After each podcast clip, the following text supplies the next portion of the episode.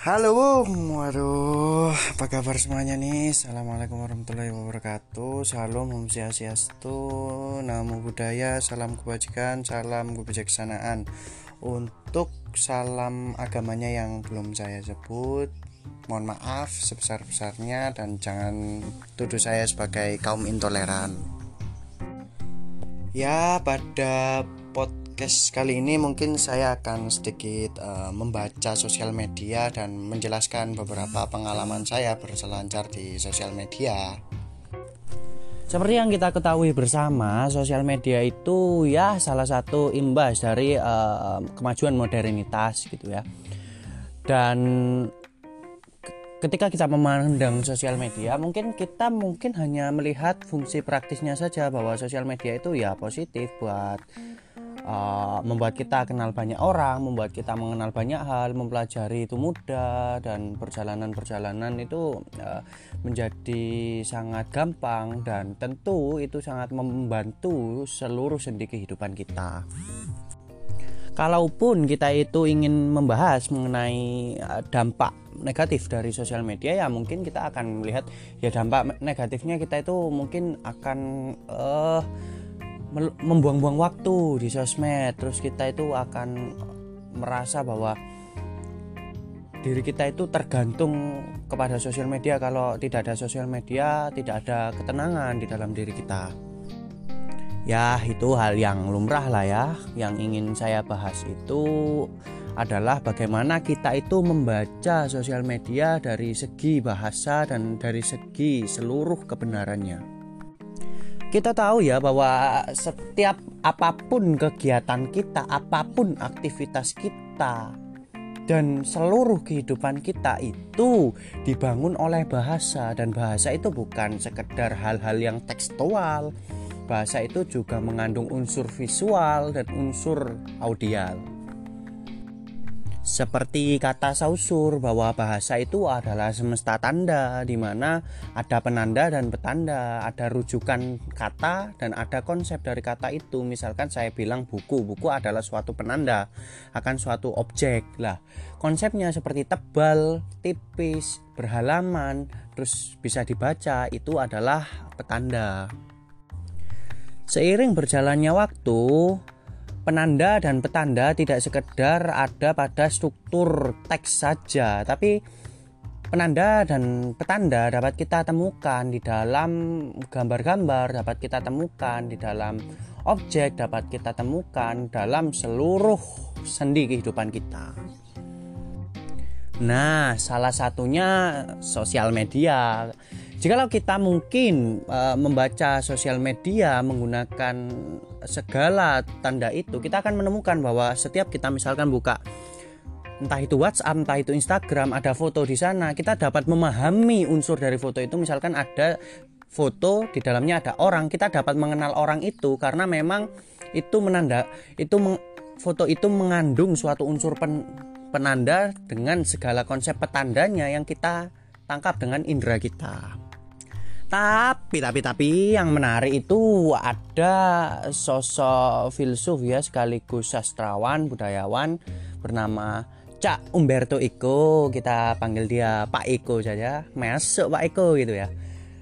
Pak Eko mengatakan bahwa pada dasarnya bahasa adalah semesta dusta.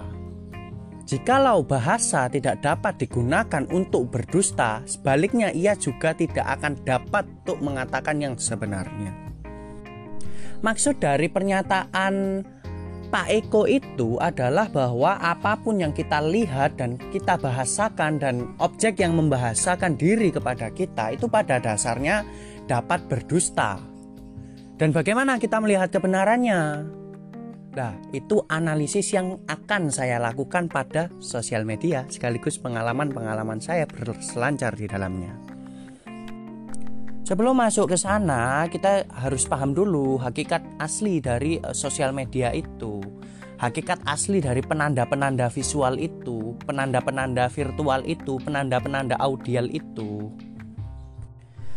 Kata Zong Borilar dalam simulacra, beliau meng mengeluarkan suatu konsep yang ia namakan sebagai hyper reality Jikalau kita memahami realitas, memahami kenyataan adalah sesuatu hal yang nyata dan memang ada dan kita rasakan kehadirannya, maka hyper reality itu sebaliknya. Jikalau kita di realitas dapat menemukan kesalahan dan kebenaran dan kita dapat membedakan di antara keduanya, maka hyper reality adalah pertem pertemuan antara kesalahan dan kebenaran, pertemuan ada dan tiada, pertemuan baik dan buruk dan masih banyak peleburan-peleburan hal-hal yang berlawanan di sana. Saya lihat bahwa sosial media itu adalah salah satu jenis dari hyper reality. Karena apa? Karena dalam sosial media kita itu merasa apa pun yang kita lihat secara singkat tanpa kita analisa, kita melihat sosial media itu, oh ini adalah suatu realitas, suatu hal yang nyata. Padahal kita tidak tahu di balik hal nyata itu ada apa gitu kan. Dan apakah hal-hal yang kita lihat di dunia virtual itu itu real secara faktual? Kita tidak tahu itu. Nah, ini saya cerita sedikit pengalaman saya.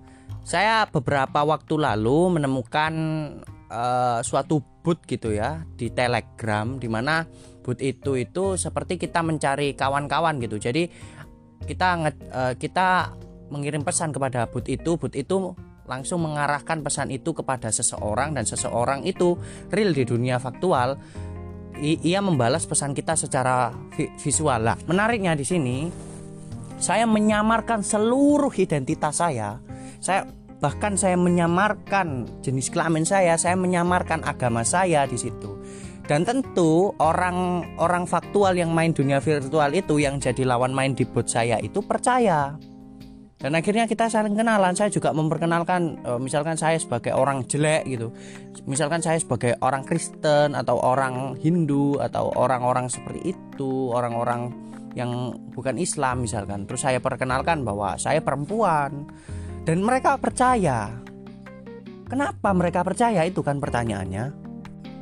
Karena mereka memasuki dunia hyper reality di mana mereka tidak tahu apakah yang ada di hadapan mereka itu adalah suatu realitas yang sah secara faktual atau sekedar ilusi-ilusi virtual. Nah, demikianlah saya ingin menguji apakah uh, hyper reality itu dapat kita ciptakan. Ternyata dapat. Dan dan apa pun yang ada di sosial media seperti kata ego itu di, lebih diradikalkan lagi itu adalah semuanya adalah kebohongan. Semuanya adalah kebohongan selama ia belum kita uji kebenarannya. Uh, jadi kawan-kawan ini sedikit tuah dari saya bahwasanya ketika ketika kawan-kawan pendengar podcast ini mencoba bermain sosial media saya tidak menyalahkan untuk kawan-kawan itu memanipulasi identitas dan segala macam. Karena itu memang hyperrealitas karena memang itu fungsi sosial media untuk mengaburkan informasi dan mengkaburkan dunia nyata bahwa yang uh, Bing yang aslinya ada menjadi hanya tampil terus appearing terus dari yang appearing dari yang tampil itu hanya menjadi yang nampak. Hal yang nampak kita percaya ya sudah kan tapi tapi uh, untuk kawan-kawan yang berselancar di sosial media, saya sarankan ya analisa saja, analisa seberapa konkret kebenarannya.